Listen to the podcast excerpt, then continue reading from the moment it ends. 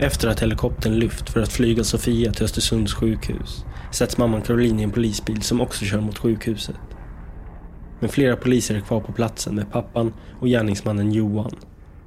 Vi, vi tar med oss gärningsmannen. Martin är en av dessa poliser. I det här läget innan han sätter sig i bilen och det då, då säger gärningsmannen, han pratar, han är lugn, han känns inte på något vis eh, psykotisk utan han verkar eh, vara talför, han kan prata, han eh, sammanhängande samtal eh, om, om olika saker. Eh, han säger att han eh, att han, eh, ja det kanske låter lite konstigt nu men, men eh, det jag ville göra var att ta med mig det käraste jag hade till, till andra sidan. Och det var ju då jäntan, säger han. Och det som det blir, vi pratar lite grann där, men, och det han säger då det är att eh, tanken var ju att han skulle hoppa efter, efter han har kastat ner barnet ner i den här dammen. Och eh, jag frågar eh, vad var det som gjorde att det inte blev så? Ja, då säger han, ja, jag, efter jag hade slängt barnet så skulle jag ju då klättra upp igen. Jag, jag vet inte riktigt hur han sa där, men, men han berättade i alla fall att när han ska hoppa själv så ramlar han baklänges ner på, på bron igen. Och eh, så han ramlar alltså ner ifrån det här höga staketet då, där han hade slängt barnet ifrån. Och när han håller på att resa sig upp där så säger han att eh, då kommer polisbilen med Andreas och Sandra i. Och eh, i det läget så säger han också till mig att eh, då sprang jag mot dem för att jag ville att de skulle skjuta mig. Eh, det tar ju en liten stund. Eh, vi sitter i bilen och vi åker mot Östersund och, och han, gärningsmannen, är eh, väldigt upptagen i att han vill ha mediciner, att han har ont, att han har epilepsi.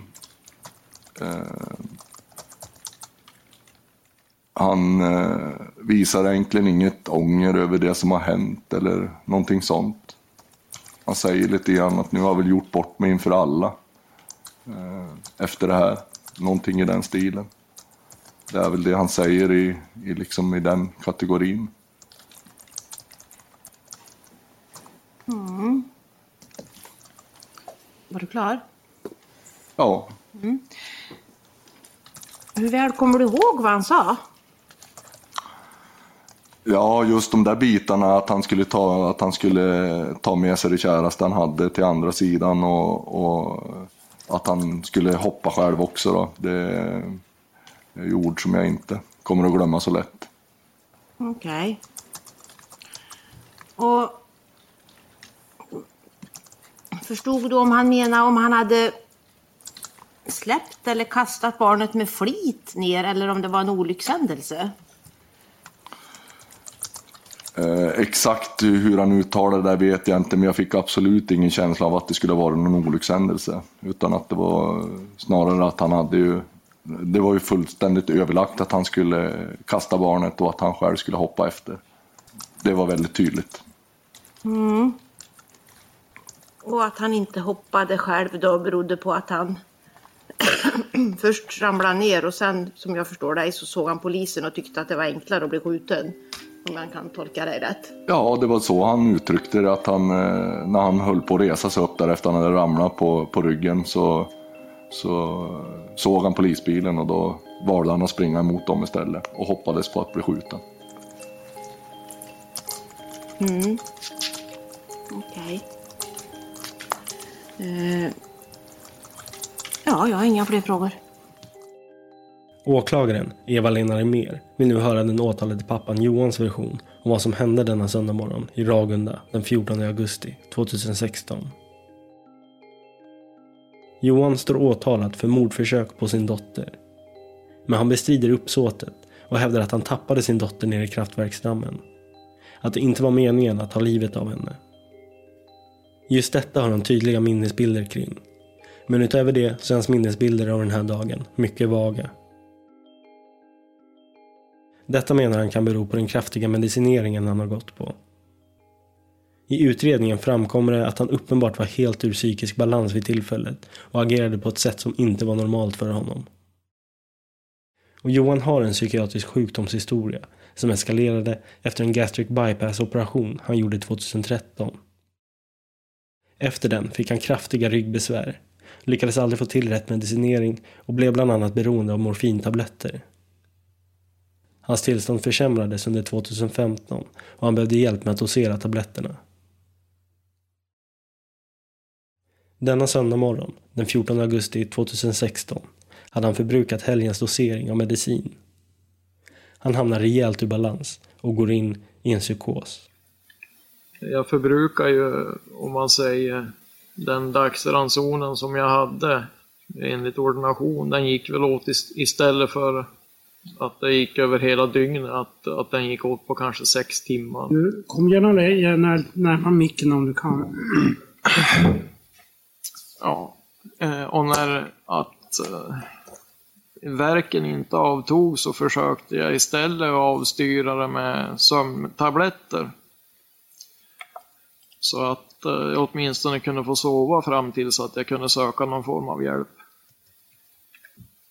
Så jag vet inte, klockan kanske vart eh, sex eller halv sju eller något sånt där på morgonen och då tänkte jag då åka upp eh, till mammas lägenhet och vattna blommorna och så sen att jag skulle försöka få tag i distriktssköterskan som delar min dosett. Eh, och när jag väl kommer upp till Bispgården så inser jag att jag både har glömt nappflaskan och så har jag glömt eh, nyckeln som går in till Kristina och min mamma. Så då åker jag hem. Och jag vet inte liksom vad klockslagen är exakt, men att eh, när jag kommer hem så upptäcker jag att jag har pinkat på mig lite grann. Eh, och jag går in på toaletten. Jag sätter ner Sofia i spjälsängen tror jag.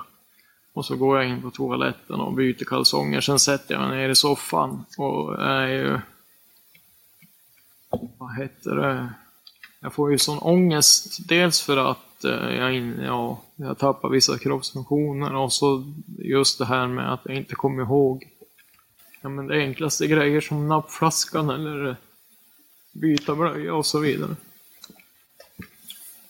Sen kommer jag inte riktigt ihåg, men eh, Caroline vaknar ju vid något tillfälle. Och så sen eh, ryker vi ihop över en bagatell. Jag kommer inte ens ihåg liksom vad vi sa till varandra. Men att eh, det liksom ändå var droppen som fick bägaren att rinna över sådär. Jag kände att jag var värd mer död än vad jag var levande. Så jag tänkte försöka ta liv av mig. Och det lyckades jag ju inte speciellt bra med. Och vad som hände då?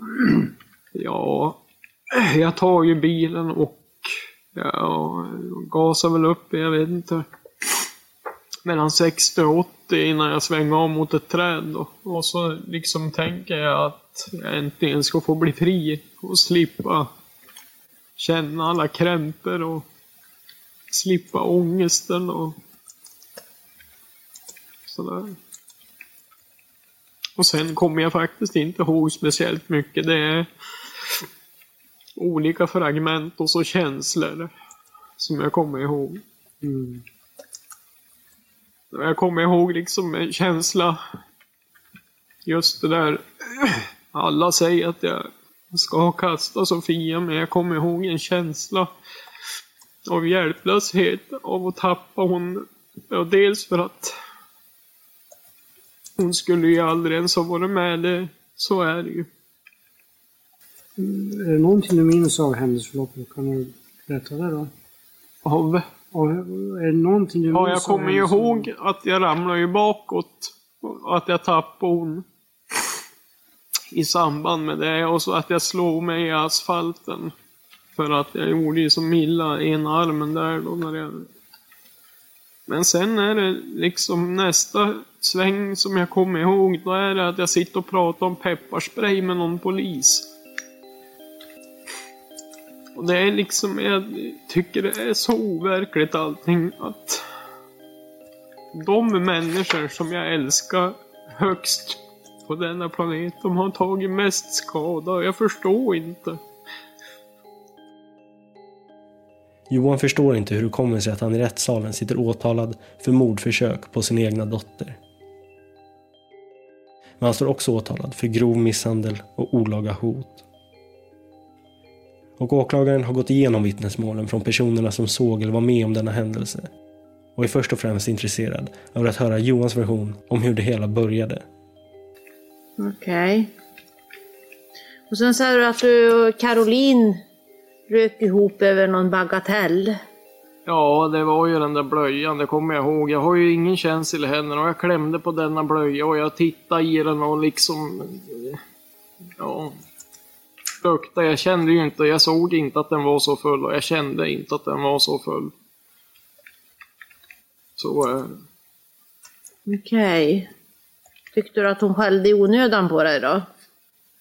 Nej, det tror jag väl inte. Men att jag kände mig, jag vart ju så oerhört besviken på mig själv för att jag inte ens klarade av en så enkel sak som att hålla reda på en blöja. Okej. Har man ingen känsel i händerna så tror jag det är enklare att förstå. Och jag tror det är enklare att förstå om man har ont också.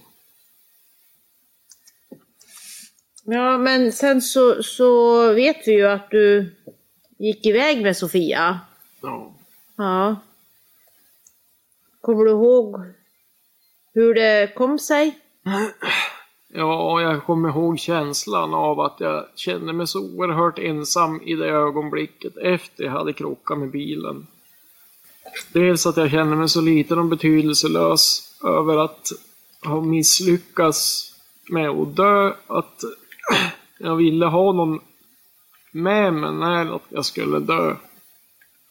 Jag ville inte vara ensam, alltså det var inte så att jag ville ha med, mig någon med i döden utan det var bara att jag inte ville vara ensam vid själva ögonblicket. Mm. Okej. Så jag tror ju att jag använde Sofia som ett lockbete för att få med mig Caroline. Okej. Det var inte hon som skulle vara sällskapet då? Vad sa du? Det var inte Sofia som skulle vara sällskapet då? Nej, det var nog snarare Caroline som jag ville ha med, alltså som vittne. Mhm. Okej.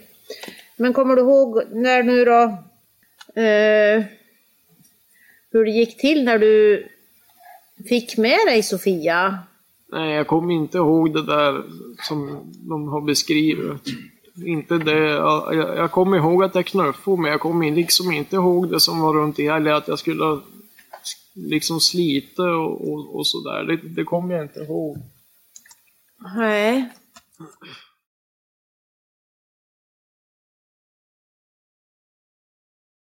Den här dagen känner sig alltså Johan självmordsbenägen. Och han vill ha med sig sin dotter då han ska ta sitt eget liv. Men menar att det inte var tänkt att även ta med henne in i döden.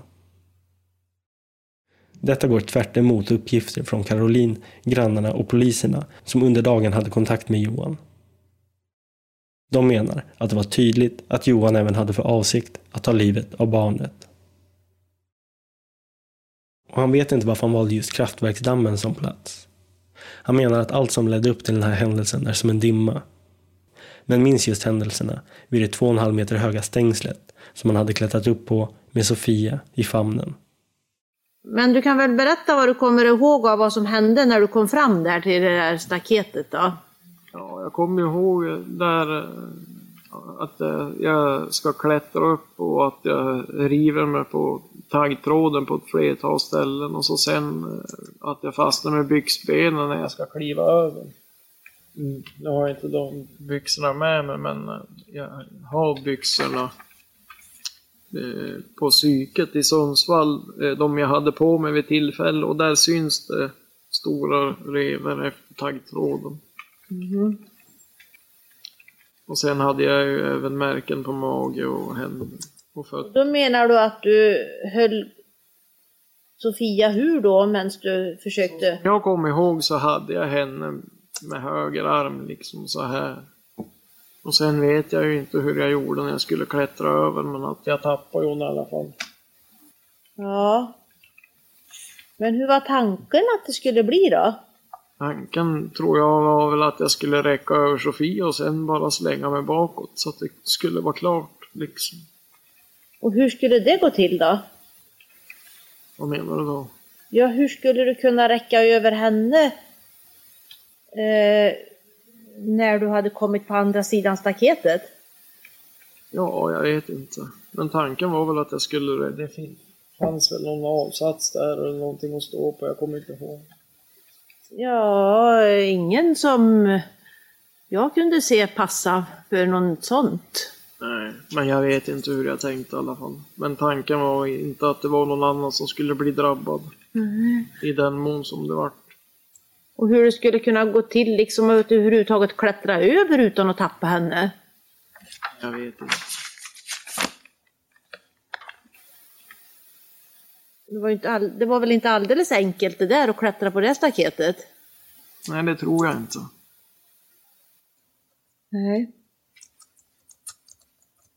Eh, men vad Tanken var i ihåg, alla fall inte att det var någon annan som skulle bli ja, vad drabbad. kommer du ihåg hur det gick till då liksom eh, fortsättningsvis? Så kommer du klättra där och du är över med benet och fastna med benet alltså där. det jag kommer ihåg är ju det, det där läget när att jag tappade Sofia och att jag ramlade baklänges. Men om det är liksom i, i samma händelseförlopp, det törs jag inte svara på. Sen är det liksom det här med polisen, att jag ser polisen och sen pratar vi pepparspray. Så det liksom är... Ja. Men jag tänker det där hur kunde du tappa henne? För då höll du henne så här säger du med hö höger arm och, runt eh, kroppen på henne då och tryckte, om jag förstår det rätt så tryckte du henne mot din, ditt bröst. Ja, men så som Caroline förklarade så håller jag ju i hon så här. Alltså när jag kommer ihåg då hade jag henne så här. Ja, och hur kunde du då tappa henne innan du ens hade kommit över på andra sidan? Jo. Men jag kommer ihåg känslan av att när hon glider ur min famn i alla fall, att jag tappar henne, det kommer jag ihåg. Ja, ja vi vet ju att hon landar på andra sidan så. Men jag menar hur, om, som du berättar så skulle hon ju inte ens ha varit över på andra sidan. För du kom ju inte över dit själv. Nej, jag fastnade med benet på Ja, taggtråden. och om du då håller henne så här va, liksom mot bröstet tryckt, då, då var ju inte hon på andra sidan. Mm. Så hur gick det till då? Ja, det törs jag inte svara på. Hä, Alltså, det, ja, jag, jag vet inte. hä. Okej. Och du säger att du tappade henne och vad hände med dig då? Ja, att jag ramlar bakåt och slår i armbågen i asfalten. Ja. Sen eh, kommer jag ihåg poliserna och så... Eh, ja, sen är det pepparspray som jag kommer ihåg att vi pratade om i bil. Jaha, du skulle inte ha klättrat ner då? Eh, jag, så som jag kommer ihåg det var det i alla fall att jag ramlade. Ja. Jag kommer ihåg om du sa någonting sen då när polisen kom där, någonting om vad som hade hänt. Nej. Nej, vi ska ju höra någon polis här sen, han som fick pepparspray i ansiktet. Har, du- har, har du läst vad han har skrivit att du skulle Ja, ha jag sagt? har, har läst vad han har s- Ja, skrivit. att du skulle ha sagt hoppas att hon dog. Ja, sa du så då? Säger han det så får man ju förmoda att det Ja, att, eh, Det hoppades jag ju verkligen inte. nej, hur, kunde, hur skulle du kunna säga något sånt då? Ja, jag vet inte. Kommer du ihåg om du tänkte så då? Jag menar, du kanske inte tänker så nu, men tänkte du så då? Nej. Nej. Kommer du ihåg var Caroline befann sig någonstans när du började klättra? Nej. Nej. Och då säger ju hon att du skulle ha sagt att hon skulle titta på. Ja, jag hörde det. när hon sa- Ja. Vad säger du om det då? Det är samma sak där. Att det, det känns overkligt att jag skulle ha sagt något sånt. Ja. Ändå så ville du ju tydligen att hon skulle vara med. För du säger att du tror du använde Sofia som lockbete för att få med henne. Jag tror att jag ville att hon skulle be bevittna liksom. Men det är ju den enda människan som... Som jag, ja, jag vet. Vad skulle hon bevittna för någonting då? Ja, att jag skulle dö. Jaha. Varför kunde du inte lämna ifrån dig Sofia tidigare då? Om det var det bara som gällde, att du skulle dö. Det kan jag inte svara på. Jag har funderat och funderat och funderat. Jag får in, inga pusselbitar att falla på plats. Och Det, det, Nej. Jag menar när du väl hade lockat med dig Caroline dit ner på, på vägen där vid kraftverket. Då hade du ju kunnat lägga ifrån dig barnet. ja.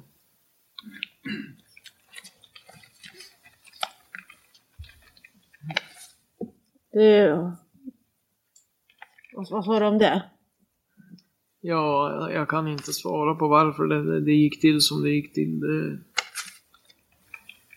det är så.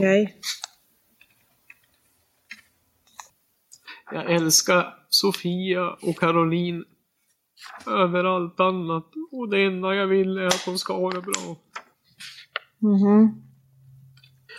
Och varför det gick till på det sätt som det gjorde, det kan jag inte svara på. Okej.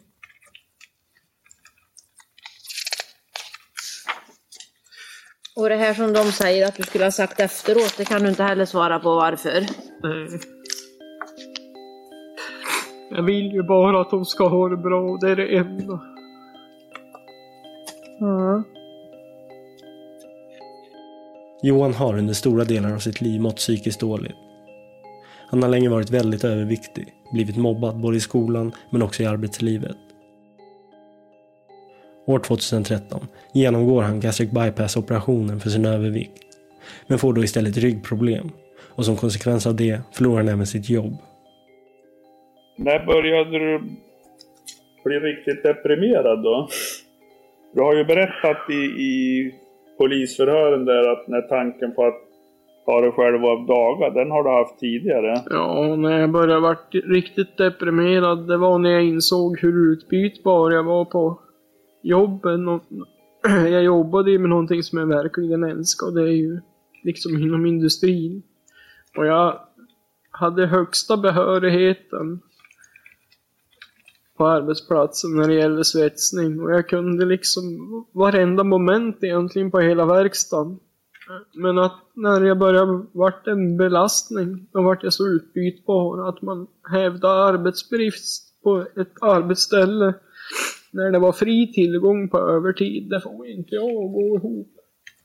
Känner du dig otillräcklig i arbete eller i, i, i eh, Ja, överallt. hemmet också? Ja. Ta något exempel. Ja, men till exempel att inte kunna bära en tvättkorg. Att inte kunna diska eller laga mat. Mm.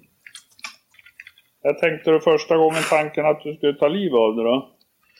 När jag bestämde mig, det var egentligen när att vi fick veta att Caroline var gravid. För jag förstod ju att ekonomiskt så skulle vi inte klara det. Och då tänkte jag att, att så länge som de har det bra Mm. Då var du inte glad över att bli pappa då? Jo, visst. Men att jag, jag vill ju att hon ska kunna få allting som jag inte har kunnat ha. Eller fått. Pratar du med Caroline om det här då? Ja, att jag mådde dåligt pratar jag ju med, men inte just det här om att jag hade bestämt mig för att ta liv av mig. Och det menar du, det var redan innan Sofia hade fötts? Ja. jag tänkte ju att, att det kanske vänder, att jag får bli bättre. Att, man, man hoppades ju på att det skulle bli bättre, men jag vart ju sämre och sämre både fysiskt och psykiskt hela tiden. Du pratade ju om det här med din försäkring också. Ja, Och då vet jag att du kan lite grann om försäkringar. ja. Så att när, när Berätta vad, vad, hur det kommer sig att du vet lite grann om hur sånt här fungerar. jag är ju försäkringsinformatör inom IF Metall. Ja, Så att eh, man får ju lära sig just ja, men vad alla olika försäkringar betyder och vad de är bra för och när de hjälper till och sådana saker. och gjorde du några Jag gjorde, dispositioner där då? Ja, jag ändrade ju försäkringen när att vi gifte oss för då behöver man ju inte göra en hälsodeklaration. Utan att då kan man bara höja premien utan att de ifrågasätter någonting. Och Ja, det är ju samma sak när att, eh, när att eh, man får barn också. och gjorde du det? Höjde du premien? Ja, Och varför gjorde du det då? för att jag ville att Sofia och Caroline skulle få det bra. Det betyder bra ekonomiskt? Ja, Mm. Johan, som nu går i planerna på att ta sitt liv på grund av att han känner sig otillräcklig, ser till att höja sin livförsäkring från 500 000 kronor till 800 000 kronor. För att Caroline och Sofia, som då skulle tilldelas pengarna, skulle få ett drägligare liv. Men den planen går i stöpet och istället leder det alltså upp till denna skräckfyllda dag då han tar sin dotter och släpper eller kastar henne ner i kraftverksdammen men misslyckas med att ta sitt egna liv. Och idag är Johan och Caroline inte längre ett par. Ja, och nu uttrycker väl inte Caroline någonting som ger något hopp om att ni ska kunna komma tillsammans igen. Förstår om hon är arg på det? ja absolut. Och du är rädd för hur det ska bli när du kommer ut i, i samhället och träffar folk på byn och sådär? Ja. Ja, tack. Ja. Eh, Du, det var en sak jag inte förstod riktigt där. Du sa att du skulle, när du hade klättrat över där, du sa att du skulle lämna över eh, Sofia. Pratade om Jag någonting. tror tanken var så. Men vem skulle du lämna den till då? Caroline. Ja, var hon där precis då? Vad sa du? Var hon där då? då? Det törs jag inte svara på. Mm. Hon var nog säkert i närheten, men alltså hur, vilket avstånd och sådär, det vet jag inte. Mm. Okej. Jag hade en fråga. Ja. Ja, nej, det var bara det här, alltså du sa att du fastnade vid byxorna där då. Men vad var det som gjorde att du inte hoppade själv? Det vet jag inte. Nej. Jag har ju sagt det sedan 205 i slutet på det förhöret. Så sa du att, att, Det liksom var ljudet av när hon landade. ja, att du inte vågar hoppa sen själv då. Eh, Ja. Så det var inte att du fastnade som hindrade dig, utan du bestämde dig för att inte Alltså, hoppa. Jag vet inte om det var, var liksom att det vart för svårt för mig att ta mig över eller om det var ljudet och när hon landade. så. Jag törs inte svara. Ja, för där hade du i alla fall sagt, jag kan ju läsa vad du sa där. Då säger du så här, jag ser att hon far framåt samtidigt som jag far bakåt. Sen jag- hör jag hur hon slår i cementen. Och det ljudet i sig självt gör att jag inte vågar hoppa. För jag upplevde det så otäckt. Ja, okej. Mm. Eh. Varsågod Linda Ahlqvist. Du vill berätta också att det, det du ville det var att det skulle bli bra för Sofia och Caroline efter att du hade tagit livet av dig. Ja. Du hade också höjt den här livförsäkringen sa du. Från 500 till 800 000. Och kollat upp vad, vad det var för regler som gällde för Ja. den och så. Ehm, Gällde den här livförsäkringen vid självmord? Det vet jag inte. Men är inte det en ganska avgörande punkt om du var mån om att det skulle bli bra för Caroline och Ja, Sofia? jag tror att den gällde. Är du riktigt säker på det? Nej, inte helt hundra. Nej, de brukar inte gälla vid självmord, Nej, jag törs försäkringar. inte svara på det. Men Nej, tack. Jag har inga fler frågor. Mm. Okej, då är förhöret slut. Sofia skulle troligen inte vara vid liv idag om det inte vore för den stora räddningsinsatsen som involverade både ambulansen, polisen, helikopterpiloter, Räddningstjänstförbundet och SOS Alarm. För deras fantastiska insats tilldelades de 2017 års 112-pris. Vi har ett utdrag från SVT Nyheter. Ett bra skrik, ja. Det var, kändes väl skönt förstår jag. Det kändes fantastiskt skönt. Med tanke på, jag visste inte alls vilket tillstånd hon var i. När jag Välkomna träffade henne. hit säger vi till både dig Fredrik Lövgren och Morgan Göransson som var helikopterpiloten som sen flög det här barnet till sjukhus. Men berätta mer om den där känslan du hade när, när du förstod att det var liv i flickan överhuvudtaget. Ja, det var en glädjande känsla. En fantastisk känsla för att jag trodde inte från början att hon levde riktigt. Hur mycket vet man när man ger sig ut på ett sånt här uppdrag om vad som väntar? Vi larmas ut ganska snabbt och i inledande skedet så vet vi inte mycket. Det gör vi inte, men efterhand så får vi rapporter på radio från både polis och ambulans och så, så att det byggs ju upp och vi får mer och mer information. Du kom ju med bilambulansen, så att säga, en vanlig ambulans. Var du först på plats i, i själva räddningsinsatsen? Ja, det var jag. jag var först, först var ju polisen framme, men sen kom ju vi. Och jag var ju först framme hos barnet. Eh, strax efter mig så kom ju min kollega. Sådär. Och eh, det var... Och strax efter det så kom ju faktiskt helikoptern också. Så att när vi väl var framme hos flickan så kom ju sjukvårdsinsatserna väldigt tätt in på varandra. Men hur väl förberedd var du då när du kom fram till platsen på vad som eventuellt kunde vänta där? Ja, man hade ju börjat att tänka på att man kanske måste gå in och göra livräddning. Och att man måste börja och göra HLR på ett barn. Vad för något sa du? Göra HLR på ett barn. Det, det får du förklara. Hjärt och lungräddning. Ja. Jag visste ju inte om hon levde och vilket, i vilket tillstånd hon var i. Mm. Det var därför det var så skönt att höra det här skriket då, Ja. att hon andades själv alltså. Ja, för då vet jag att då andas hon och hon, kan, hon reagerar tillräckligt bra. När, när flickan var, var räddad ur vattnet och, och man kon, kunde konstatera att hon andades och så där, då blev det din uppgift att flyga henne till eh, sjukhus. Vilket sjukhus blev det?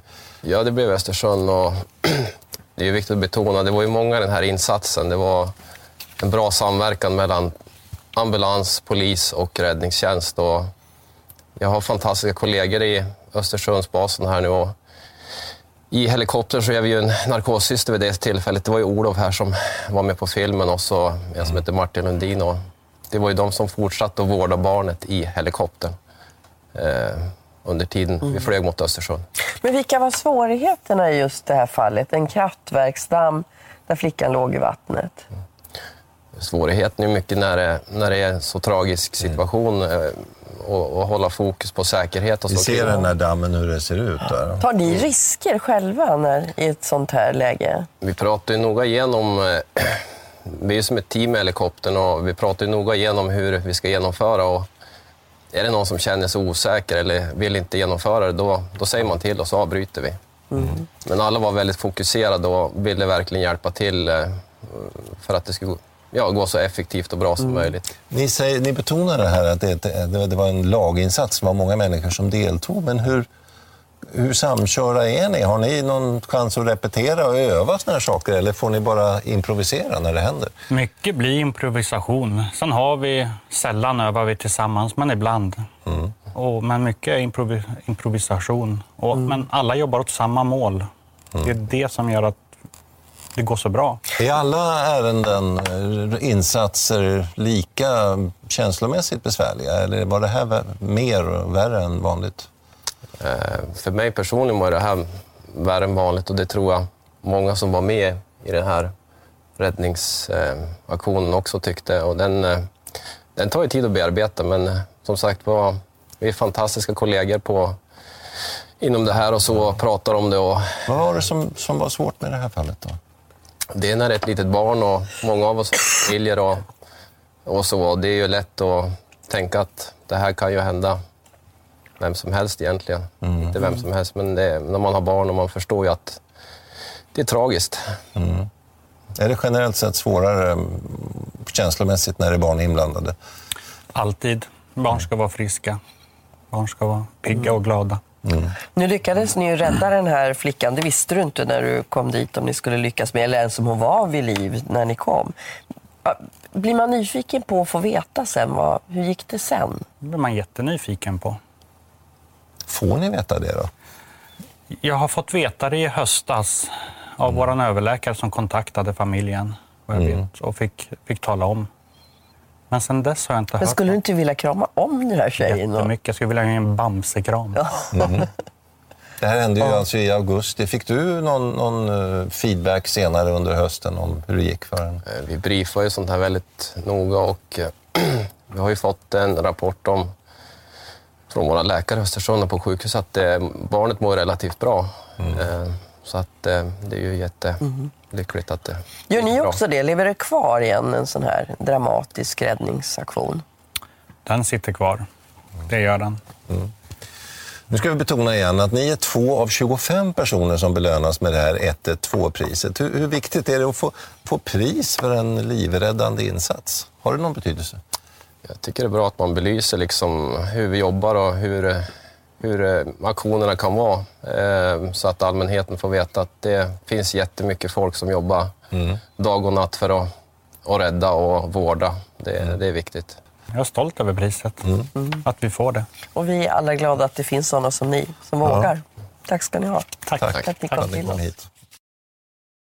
I oktober 2016 avslutades de mycket känslosamma tingsrättsförhandlingarna i Östersunds tingsrätt. Åklagaren anser brottet vara mycket hänsynslöst och yrkar på att Johan ska dömas för mordförsök till 10 års fängelse. Det är utifrån den rättspraxis som finns så har jag bedömt att det är ett rimligt straff. Och då har jag tagit hänsyn till att jag menar att det inte finns några förmildrande omständigheter men däremot flera försvårande. Vilka försvårande omständigheter är det du ser här? Framförallt att det riktar sig mot ett litet barn, att det är ett långdraget händelseförlopp och att det var väldigt hänsynslöst. Rättspraxis säger du är ett långt fängelsestraff. Eh, Det var otänkbart med ett kortare straff här då. Ja, enligt min bedömning. Eh, Försvarare här har ju pekat på att det var så att personen är svårt deprimerad och eh, har haft upprepade självskadebeteenden. Är det ingenting som man kan ta med här i bedömningen? Jo, det kan man väl göra. Men eh, även om man tar hänsyn till dem så anser jag att det inte finns anledning att gå under tio år. Det var rätt mycket dramatik kring det här. Har det varit svårutrett, det här brottet, de här brotten ska jag säga? Försök till mord eller mord är ju alltid eh, utredningar som kräver ganska mycket. Det är ju alltid också en uppsåtsfråga som man ska ta hänsyn till. Men uppsåtet har varit ganska klart, att, klart att, och lätt att belägga här då. Ja, jag menar utifrån den situationen som har varit att det är uteslutet att det har varit en olyckshändelse. Johan genomgår en rättspsykiatrisk undersökning och trots hans tidigare psykiska ohälsa kommer man fram till att han vid tidpunkten inte var allvarligt psykiskt störd i juridisk mening och kommer därför inte kunna dömas till rättspsykiatrisk vård. Och i domen står det att utifrån vad Johan själv berättat om sina känslor inför dottern och om vad som i övrigt framkommit om hans relation till henne är det naturligtvis svårt att förstå varför han skulle vilja göra henne illa. Något rationellt motiv till varför han avsiktligen skulle ha släppt eller kastat ner henne från bron finns inte. Samtidigt kan det konstateras att Johan inte alls handlade rationellt vid det här tillfället. Men annat är inte visat än att han var helt på det klara med vad han gjorde. Även om det inte finns något rationellt motiv till Johans handlande går det inte att dra någon annan slutsats av hans agerande än att han avsiktligen kastade eller släppte Sofia ner mot kraftverksdammens botten. Det kan också konstateras att Johan handlade ytterst målmedvetet. Han tog henne med våld från Caroline vid huset, gick ner med henne hela vägen till kraftverksdammen, ignorerade helt att Caroline skrek åt honom att inte göra Sofia illa och gjorde slutligen den krävande klättringen upp på staketet. Avsikten med hela hans handlande, hur irrationellt det än framstår som, måste ha varit att han ville beröva Sofia livet. Kravet på uppsåt för den gärningen han är åtalad för är därmed uppfyllt. Försök till uppsåtligt dödande ska enligt huvudregeln rubriceras som försök till mord. Endast om det föreligger särskilda omständigheter kan det bli fråga om att rubricera gärningen som försök till dråp. Med tanke på det relativt utdragna förlopp det varit frågan om och den hänsynslöshet som präglat gärningen kan annan rubricering än försök till mord inte bli aktuell. Johan ska därför dömas för det brottet.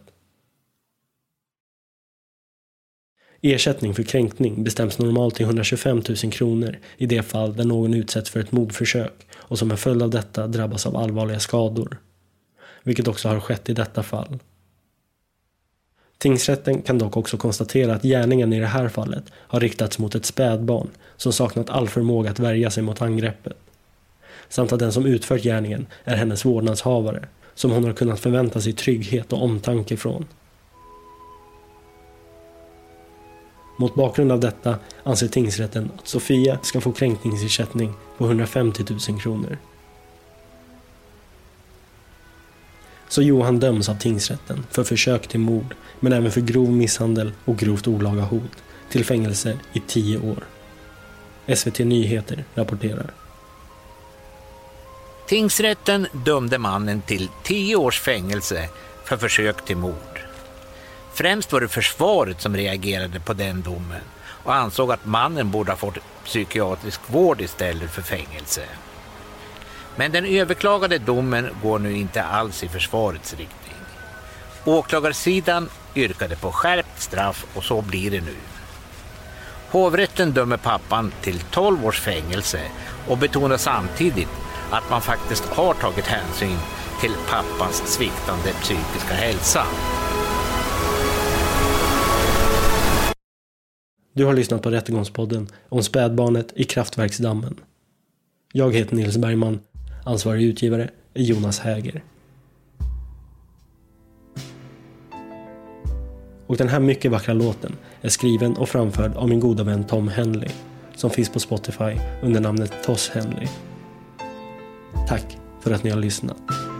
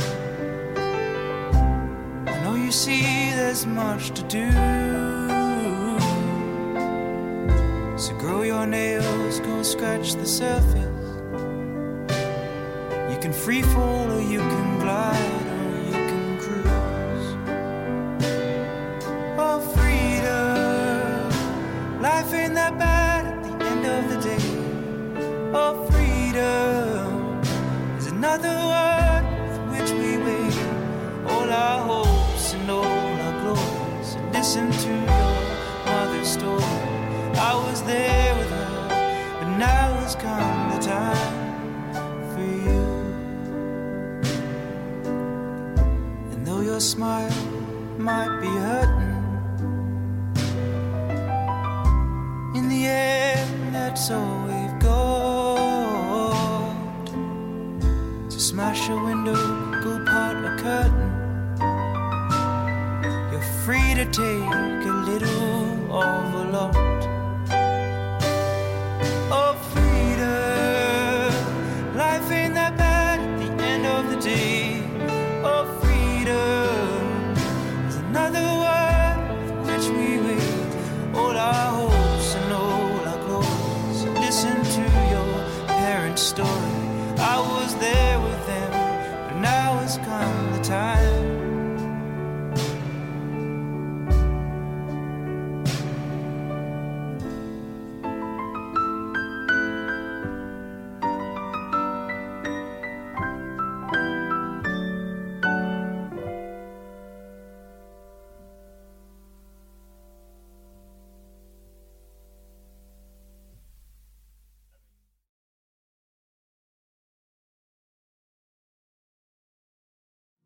Rättegångspodden är en Tall Tale produktion. Ansvarig utgivare är Jonas Häger. Och Rättegångspodden görs i samarbete med Lexbase. Ange rabattkoden Rättegångspodden när du blir ny betalande medlem på lexbase.se och få tre kostnadsfria domar.